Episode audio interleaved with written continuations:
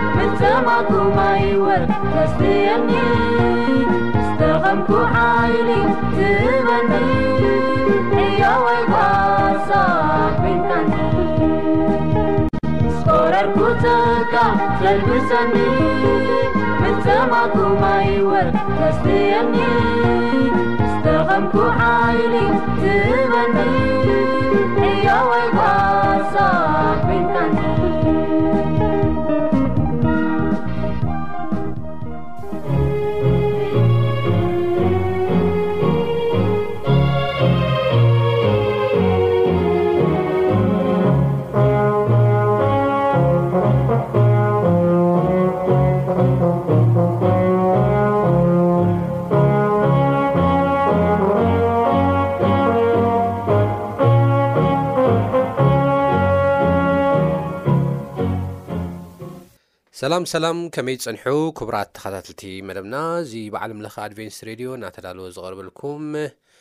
መደብኩም መደብ ቃል ኣምላኽ እዩ ኣብ ናይ ሎሚ እንሪኦ ድማ ኣብ ቀዳማይ ሳሙኤል ምዕራፍ 18 ከምኡውን ኣብ ካልኣይ ሳሙኤል ምዕራፍ 22 ዘሎ ሓሳብ እዩ ቅድሚ ኩሉ ግን እግዚኣብሔር ምእንቲ ከምህረናን ክመርሓናን ሕዘር ዝበለ ጸሎት ንጸሊ ቅዱስ እግዚኣብሔር ኣምላኽና ስለዚ ግዜን ሰዓትን ነመስግነካ ኣለና ሕጂ ድማ ክቡርን ቅዱስን ቃልካ ከፊትና ኣብ ነጽናዓሉ እዋን ንስኻ ክትመርሓናን ከተምህረናን ሓጢኣት በደልና ኩሉ ይቕረ ኢልካ ድማ ብመንፈስ ቅዱስካ ክትባርኸና ንልምነካ ብጎይታና መድሓና የሱስ ክርስቶስ ስም ኣሜን ኣብ ቀዳማይ ሳሙኤል ምዕራፍ 18 ንሪኦ ሓሳብ ዳዊት ጎልያድ ኣብ ዝሰዓረሉ እዋን፣ እቲ ናይ ጎልያድ ሰይፊውን ኣብ ቤተ መቕደስ ኣብ ኖብ ኣብ ዝተቐመጠሉ እዋን፣ ሳኦል ኣዝዩ ንዳዊት ከም ዝፈተዎ ከም ዘኽበሮ፣ ናብ ገዝኡ ክምለስ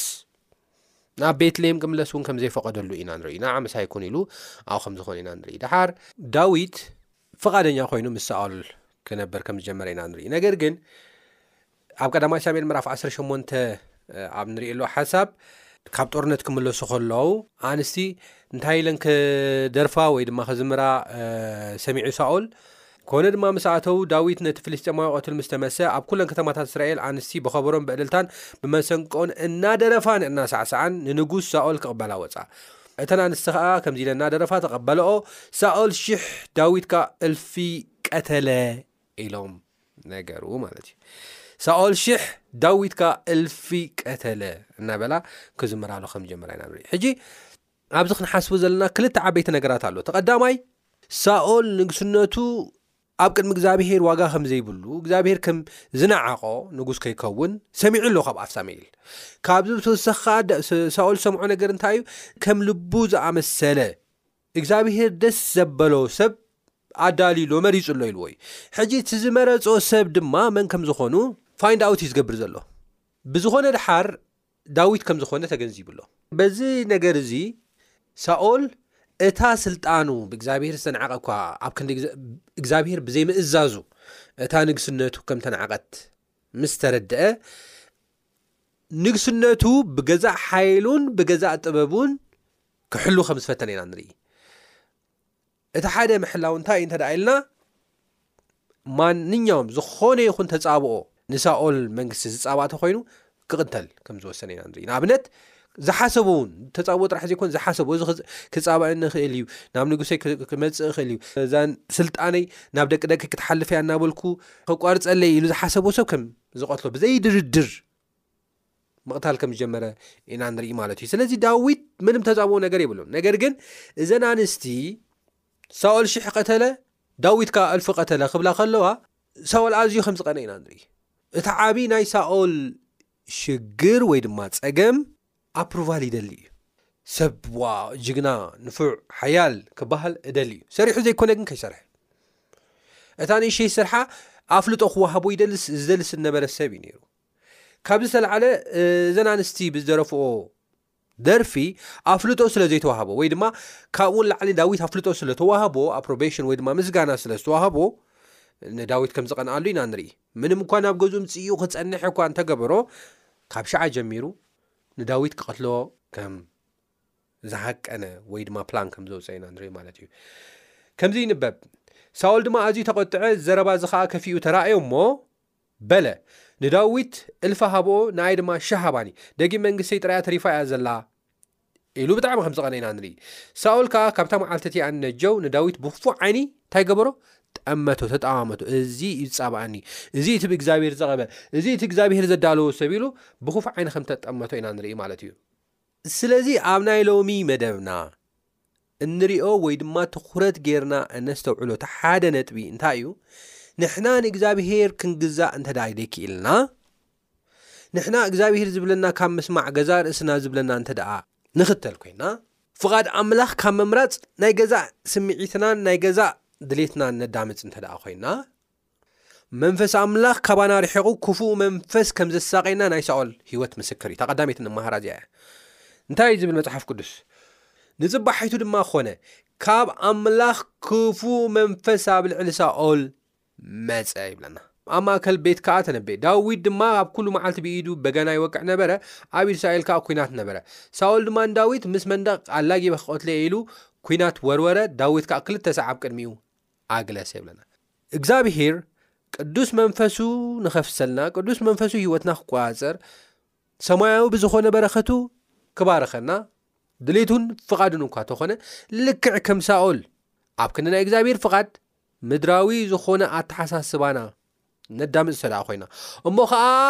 እግዚኣብሄር ኣብ ዝነገረና እዋን ንስሓ ክንኣቶ ፍቓደኛታት እንተ ደኣ ደይክኢልና ከም ሳኦል ማለት እዩ እግዚኣብሄር ክፉኣት መናፍስቲ ከሳቕዩን ኣሕሊፉ ከም ዝህብ እዩ ዝዛረበና ሮሜ ምዕራፍ ሓደ እውን ከይድና ንሪኢ ኣለዋን ንገዛእ ወይ ድማ ንኸንቱ ኣእምሮኦም ንዘይረብሕ ኣእምሮኦም ሕሊፎ ሃቦም እዩ ዝብለና ስለዚ እዚ እውን ንክፉእ መንፈስ ኣሕሊፉ ከም ዝሃቦ መፅሓፍ ቅዱስ ይዛረበና ማለት እዩ ስለዚ ክፉእ መንፈስ ድማ ንሳኦል ይሳቀዮ ከም ዝነብረ ኢና ንርኢ ክፉእ መንፈስ ኣብ ዝሓዞ ወይ ድማ ኣብ ዝተቆፃፀረሉ እዋን ድማ ንዳዊት ክቐትሎ ይፍትን ከም ዝነበረ እዩ መፅሓፍ ቅዱስ ዝዛረበና ማለት እዩ ቐዳማይ ነገር እዚዩ ስለዚ እግዚኣብሄር በብግዜኡ ዝዛረበና እግዚኣብሄር በብግዜኡ ዝመኽረና ነገር ክንሰምዕ ክንክእል ኣለና ከም ፍቓዱ ክንመላለስ ክንክእል ኣለና ምድሓኑ እቲ ብየሱስ ክርስቶስ ዝተገብረ ምድሓን ድማ ክንቅበል ክንክእል ኣለና ኣንለስ ኤንድ ኣዘርዋይስ ክፉእ መንፈስ መፅኡ ወይ ድማ ናይ ኣጋንቲ መንፈስ መፅኡ ድማ ከም ዘሳቂና እዩ መፅሓፍ ቅዱስ ዝዛረበና ማለት እዩ እታ ካልእቲ ነጥቢ እንሪኣ ግን ሳውል እዚ ጥራሕ ኣይኮነን ገይሩ ክልተ ሻዕ ናብ መንደቕ ኣላጊቡ ክቐትሎ ፈቲኑ፣ ሓደ። ቀጺሉ ክውቀዐሉ ስለ ዘይከኣለ፣ ወጽመድ ክገብረሉ ምእንቲ ጓሉ ከም ዝሃቦ ኢና ንርኢ። ሳኦል ሓሙኡ ክኸውን ከም ዝደለየ፣ ጓሉ ድማ ከም ዝሃቦ ኢና ንርኢ። ግን ጓሉ ዝሃቦ ፈቲዎ ኣይኮነን። እንታይ እዩ ዝብል መጽሓፍ ቅዱስ? ሳኦል ድማ ኢድ ፍልስጤማውያን ኣብ ልዕሊኡ ምእንቲ ክትከውንሲ ይብል ቀዳማይ ሳሙኤል ምዕራፍ 18 ፍቕዲ 21 መፈንጠራ ክትኮኖ ንኣኣ ክህቦ እየ። መፈንጠራ ክትከሎ ንሚካል ክህቦ'የ ወይ ድማ ንጓለይ ክህቦ'የ ኢሉ ከም ዝሓሰበ ኢና ንርኢ። ስለዚ ሳኦል ንዳዊት ሎሚ ካልኣይ ሳዕ ሓሞይ ክኸትከውን ኢኻ በሎ። ሳኦል ከኣ ነቶም ገላኡ ንዳዊት እንሆ ንጉስ ብኣኻ ኣባሂልዎ ኣሎ፣ ኩሎም ገላኡ ድማ ፈትዮምኻ ኣለዉ፣ ሕጂ ኸኣ ሓሙ ንጉስ ኩን ኢልኩም ብሕቡእ ተዛረብዎ ኢሉ ኣዘዘ። እቶም ገላኡ ድማ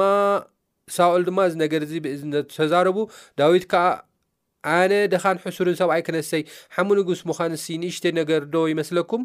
ኣሎ በሎ። እቶም ገላኡ ሳኦል ከኣ ንዳዊት ከምዚ ዘረባ ተዛሪቡ ኣሎ ኢሎም ነገርዎ። ሳኦል ድማ በለ፣ ንዳዊት ከምዚ በልዎ፣ ኣብቲ ጸላእቲ ንጉስ ሕነ ምእንቲ ኺፈርድሲ፣ ንጉስ ብጀካ ሚእቲ ዕልቦ ፍልስጥኤማውያን ዝደልዮ ብልዕቲ የብሉን። ሳኦል ድማ ንዳዊት ኣብ ኢድ ፍልስጥኤማውያን ከውድቖ ሓሲቡ ነበረ። ሳኦል ድማ ንዳዊት ኣብ ኢድ ፍልስጥኤማውያን ከውድቖ ሓሲቡ ነበረ። እቶም ጐላኡ ኸኣ፣ ዘረባ እዚ ንዳዊት ነገርዎ፣ ሽዑሓሙ ንጉስ ኪኸውን፣ ነገሩ ንዳዊት ጽቡቕ ኰይኑ ተራእዮ፣ ገና እተን መዓልትታት ከይኣኸላ ድማ፣ ዳዊት ተንሲኡ ንሱ ምስ ሰቡ ኸይዱ፣ ካብ ፍልስጥኤማውያን ክልተ ሚእቲ ሰብ ቀተለ፣ ዳዊት ከኣ ሓሙ ንጉስ ምእንቲ ኪኸውን፣ እቲ ዕልቦኦም ኣምጽአ፣ ብምሉእ ቈጸሮም ድማ ንንጉስ ኣወፈየ፣ ሳኦል ከኣ ጓሉ ሚካል ሰበይቱ ኽትኰኖ ሃቦ ይብለና። ማይ እንድዩ ሓሙኻ ክኸውን'የ፣ ጓለይ ክህበካ'የ፣ ግን ካብ ፍልስጤማውያን ሚእቲ ዕልቦ ይደሊ እየ። እዚ ክብል ከሎ ኮነ ኢሉ ኣብ ኢድ ፍልስጤማውያን ምእንቲ ክመውት ክጠፍእ ስለ ዝደለየ እዩ መፈንጠራ ክትገብረሉ ስለ ዝደለየ እዩ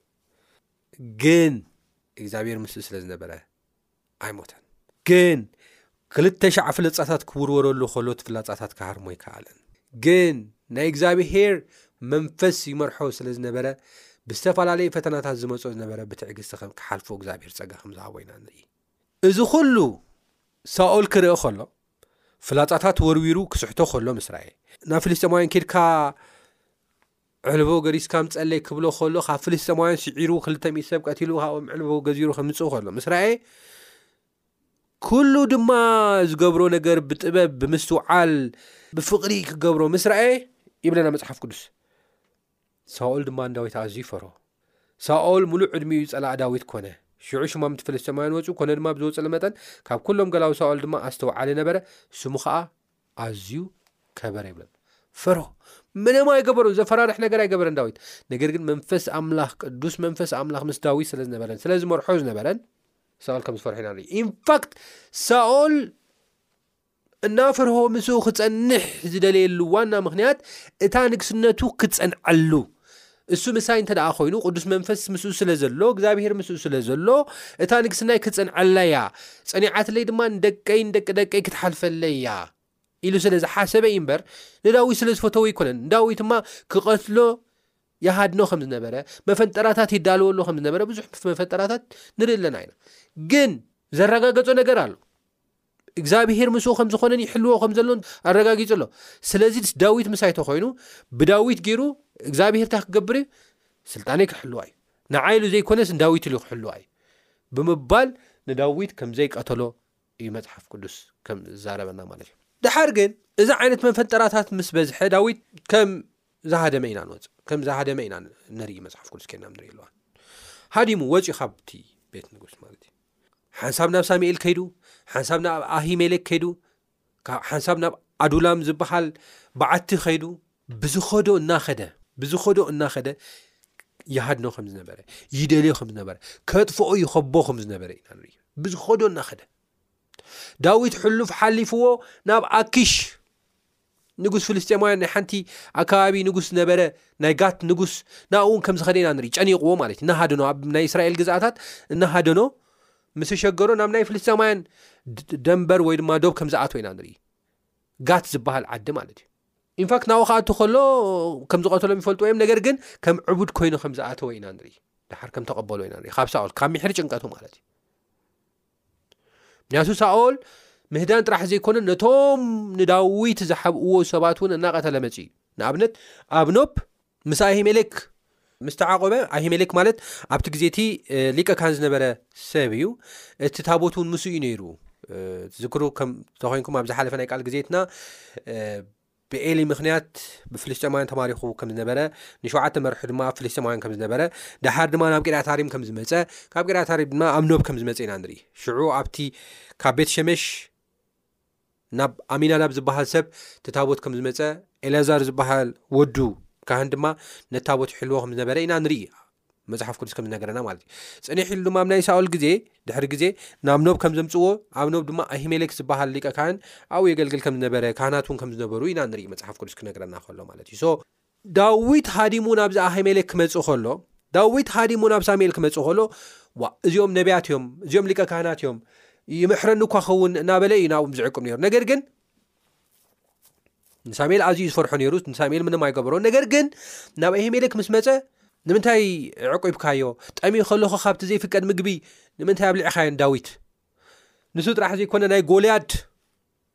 ሰይፊ ንምንታይ ሂብካዮ ብምባል ንኣሂሜሌክን ኣብኡ ዝነበሩ ካህናትን ብምሉኦም ብጀካ ኣብያታር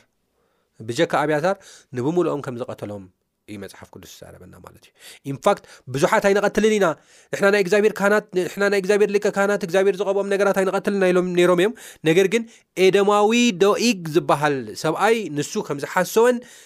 ንክቐትሎም ድማ ከም ዝደፈረን ኤዶማዊ ዶኢግ ገይሩ ሳኦል ብምሉኦም ከም ዘቐተለ ኢና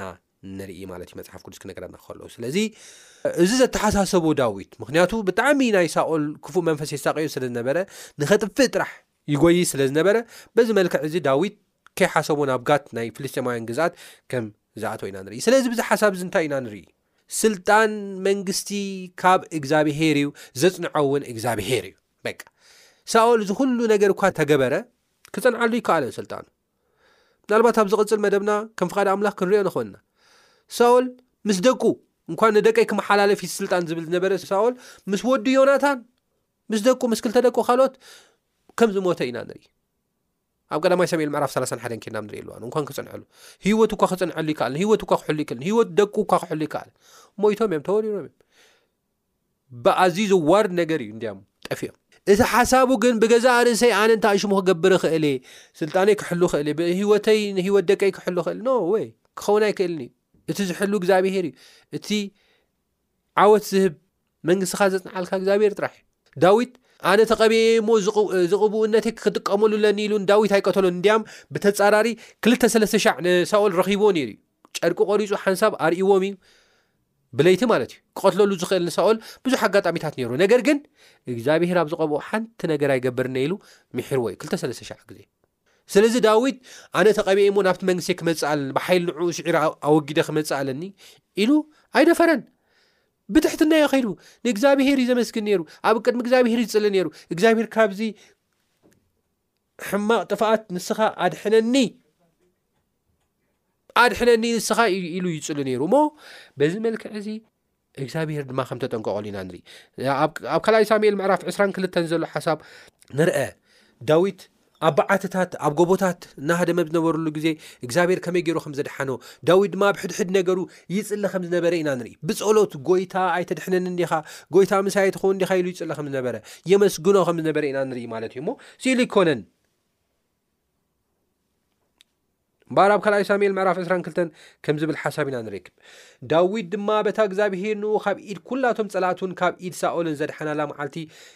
ንእግዚኣብሄር ቃላት እዚ መዝሙር እዚ ተዛረበ ከምዚ ከኣ በለ እግዚኣብሄር ከውሐይን ኣምባይን መድሓንየን እዩ ኣምላኽ ተስፋ ዝገብሮ ከውሐይ እዩ ዋልታይ ቀርኒ ምድሓነይ ግምበይ መህደምየይ እዩ ዎ መድሓንየይ ካብ ዓመጻ ተድሕነኒ ነቲ ክውደስ ዝግብኦ እግዚኣብሄር እጽውዖ ኣለኹ ካብ ጸላእተይ ከኣ ክድሕን እየ ማዕበል ሞት ከቢብኒ እዩ እሞ ወሓይዝ ቢልያል ኣፍራሃኒ ኣግማድ ሳኦል ከበበኒ መፈንጠራታት ሞት መጸኒ ብጸባባይ ንእግዚኣብሄር ጸዋዕኹ ናብ ኣምላኸይ ከኣ ተማህለልኩ ድምጸይ ድማ ካብ መቕደሱ ሰምዐ ገዓረይ ካብ ኣብ እዛኑ በጽሐ ሽዑ ምድሪ ተነቓነቐት፣ ኣንቀጥቀጠት፣ መሰረታት ሰማይ ኣንደቕደቐ፣ ብዅሩኡ ስለ ዝነደደ ኸኣ ተነቓነቐ። ካብ ኣፍንጭኡ ትኪ ተላዕለ፣ ካብ ኣፉ ኸኣ ዝባላዕ ሓዊ ወጸ፣ ካብኡ ጓህሪ ነደደ፣ ሰማይ ኣድኒኑ ኸኣ ወረደ፣ ኣብ ትሕቲ ኣእጋሩ ጠቐጠቐ ነበረ፣ ኣብ ልዕሊ ኪሩቤል ተወጢሑ ድማ ነፈረ፣ ኣብ ኣኽናፍ ንፋስ ከኣ ተራእየ። ነቲ ጸልማትን እኩብ ማያትን ከቢድ ደበናን ኣብ ዙርይኡ ድኳናትን ገበሮ። ካብቲ ነጸብራቒ ቅድሚኡ ግሁር ሓዊ ነደደ። እግዚኣብሄር ካብ ሰማይ ኣንጐድጐደ፣ እቲ ልዑል ከኣ ቃሉ ሃበ። ፍላጻታት ወርዊሩ ኸኣ ፋሕ ኣበሎም፣ ኣብሪቑውን ኣሸበሮም። ብተግሳጽ እግዚኣብሄር ካብ መንፋስ ትንፋስ ኣፍንጭኡ መዓሙቕ ባሕሪ ተራእየ፣ መሰረታት ዓለምውን ተቐልዐ። ካብ ኣርያም ልኢኹ ወሰደኒ፣ ካብ ዓበይቲ ማያት ኣውጽአኒ። ካባይ ይሕይሉ ነበሩ እሞ፣ ካብቲ ሓያል ጸላእየይ ካብቶም ጸልኡኒ ኣድሓነኒ። ብመዓልቲ መከራይ ሓደጋ ወዲቑኒ፣ ግናኸ እግዚኣብሄር ድጋፍ ኰነኒ። ናብ ርሒብ ኣውጽኣኒ፣ ብሂጉኒ እሞ ኣድሓነኒ። እግዚኣብሄር ከም ጽድቀይ ፈደየኒ፣ ከምቲ ጽሬት ኢደይ መለሰለይ። መንገድታት እግዚኣብሄር ሓለየ እሞ ካብ ኣምላኽ ብበደል ኣይረሓቕኩን። ኩሉ ፍርደታት ኣብ ቅድመይ እሞ ካብቲ ሕጋጋቱ ኣየልገስኩን። ኣብ ቅድሚኡ ምሉእ ኮንኩ፣ ካብ በደለይ ድማ ተሓለኹ። ስለዚ እግዚኣብሄር ከም ጽድቀይ፣ ከምቲ ንጽህናይ ኣብ ቅድሚ ዓይኑ መለሰለይ። ምስቲ ሕያዋይ ሕያዋይ ትኸውን፣ ምስቲ ፍጹም ሰብ ፍጹም ትኸውን። ምስቲ ንጹእ ንጹእ ትኸውን፣ ምስቲ ጠዋይ ከኣ ትጠዊ። ንጥቑዕ ህዝቢ ድማ ተድሕኖ ኢኻ እሞ፣ ነቶም ዕቡያት ግና ከተዋርዶም፣ ኣዒንትኻ ናባታቶም እየን። ንስኻ ወእግዚኣብሄር መብራህተይ ኢኻ እሞ፣ ንጸልማተይ እግዚኣብሄር የብርሆ። ብኣኻ ን ጭፍራ ክጓየዮም እየ ብኣምላኸይ ንመንደቕ እሰርር። ኣምላኽ መንገዱ ፍጽምቲ እያ ቃል እግዚኣብሔር እተቖልዐ እዩ ንሱ ተስፋ ንዝገብርዎ ኩሎም ዋልትኦም እዩ ብጀካ እግዚኣብሔር ኣምላኽ መን እዩ ብጀካ ኣምላኽና ከውሒ መን እዩ ኣምላኽ ጽኑዕ ዕርደይ እዩ ነቲ ፍጹም ብመንገዱ ይመርሖ እግረይ ከም ናይ እራብ ገበረ ኣብ ልዕሊ በረኸተይ ድማ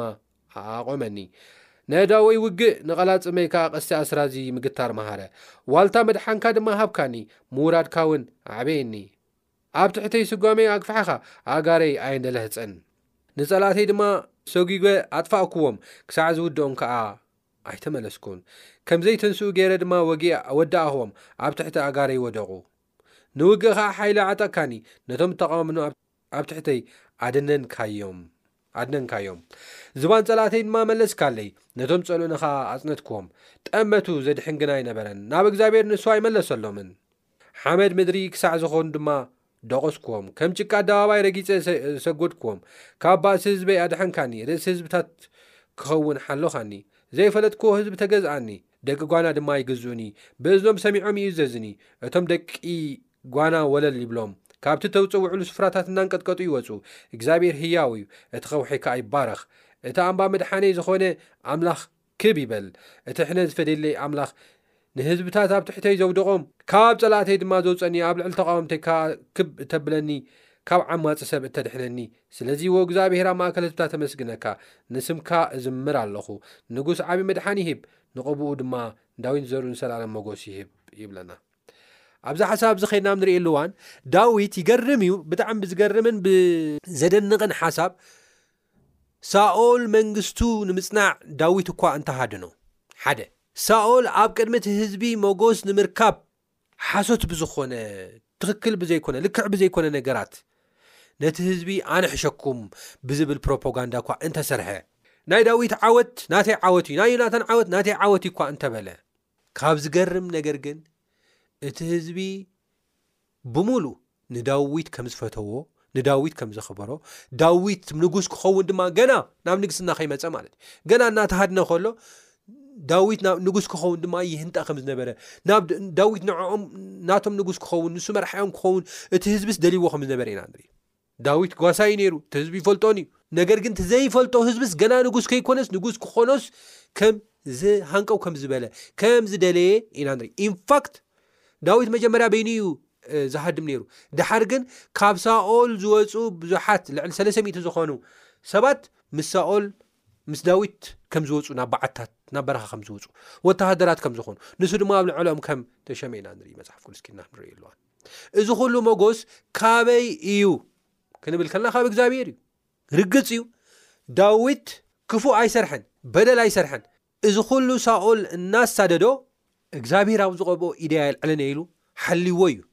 ይሃድም እዩ ነይሩ ካብኡ ክልተ ግዜ ብዝረኸቦ ድማ ኣይቀተሎን። ስለዚ ክፉእ ሓሳብ፣ ተንኮል፣ መፈንጠራ፣ ገለመለታት እዚ ነገራት ኣይሓሰበን። በቃ ኣሕሊፉ ንእግዚኣብሄር እዩ ሂቡ። ጎይታ እስኻ ርኣይ፣ ንስኻ ኣድሕነኒ፣ ኣነ ዝበደልክዎ ነገር የለን ኢሉ እዩ ንእግዚኣብሄር ኣብ ዘዝኸዶ ዝጽሊ ነይሩ። እግዚኣብሄር ድማ ጸሎት ሰሚዑ ዝምልስ ኣምላኽ ካብ ምዃኑ ዝተላዕለ ንዳዊት ከም ዘድሓኖ ኢና መጽሓፍ ቅዱስ ዝዛረበና ማለት እዩ እሞ ብጣዕሚ ዝገርም እዩ። ጸሎት ሰሚዑ ድማ ንዳዊት ካብቲ መከርኡ ካብቲ ጭንቀቱ ካብቲ ስደቱ ከም ዘድሓነ ኢና ንርኢ ክዛረብ ከሎ ዳዊት እንታይ ኢሉ ናብ ርሒብ ኣውጻእኻኒ ብሂጉኒ እሞ ኣድሓነኒ በቃ ኣፍቂሩኒ እሞ ብሂጉኒ እሞ ፈትዩኒ እሞ እንታይ ገበረኒ ኣድሓነኒ ስለ ዘፍቀረኒ ጥራሕ እዩ ንዓይ ኣድሒንኒ ካልእ ኣነ ስለ ዝሃብክዎ ኣነ መልክዐኛ ስለ ዝኾንኩ ሓያል ስለ ዝኾንኩ ወይ ዓቢ ስለ ዝኾንኩ ኣይኮነን ጀስት ስለ ዘፍቀረኒ ጥራሕ እዩ ክብራት ሰማዕትና ንዓና እውን ሎሚ እግዚኣብሄር ንዓና ዘድሕነና ስለ ዘፍቀረና ጥራሕ እዩ ሓደ ወዲ ጎይታና መድሓንናን የሱስ ክርስቶስ ዝሃበና ስለ ዘፍቀረና ጥራሕ እዩ ህይወት ክንረክብ ክንባረኽ ዘድሓነና እግዚኣብሄር ስለ ዘፍቀረናን ጥራሕ እዩ። ብዘልኣለም ፍቕሪ ዘፍቀረና እግዚኣብሄር ከነመስግኖ ይግብኣና እዩ። እሞ ልዕሊ እግዚኣብሄር ሓይል ድማ ከም ዘየለ ሕጂ ዳዊት ኣሎ ብዝበሃል ሓይሊ ኣሎ ብዝበሃል ኢንተለጀንስ ናይ ስለላ ስራሕ ኣሎ ብዝበሃል ናይታ ሃገር ዓቕሚ ተጠቂሙ እዩ ዘሳዶ ነይሩ ነገር ግን ካብ እግዚኣብሔር ሓይሊ ኣይበልፅን እዩ ኣብ ምድሪ ዝገጥመኩም ሓላኻታት ዶሎ ኣብ ምድሪ ዝገጥመኩም ፈተናታት ዶሎ ኩሉ ትሕቲ እግዚኣብሄር እዩ ልዕሊ እግዚኣብሄር ዝኸውን ነገር የለም ነገራትኩም ንእግዚኣብሄር ኣሕሊፍኩም ሃቡ ንእግዚኣብሄር እውን ተፀበይዎ እግዚኣብሄር ኣብ ግዜኡን ብናቱ መንገድን ናብ ላዕሊ ንዳዊት ክብ ከም ዘበሎ ንዓኹም እውን ክብ ከብለኩም ይኽእል እዩ እሞ ብእምነት ንእግዚኣብሄር ፀኒዕና ክንእመኖን ከም ፍቓዱ ድማ ክንከይድን ነገራትና ንዑ ኣሕሊፍና ክንህቦን ይግባእ ብዝገበረልና ነገር ድማ ኣመስገንቲ ክንከውን ኣፍልጦ ክንቦ ክብሪ ንዓኻ ክንብሎ ይግባእ እዚ ክንገብር እምበኣር እግዚኣብሔር ፀጉ የብዝሓልና ኣብ ዝቕፅል ብካልእ ክሳብ ንራኸብ ሰላም ኮኑ ሰናይ ግዜ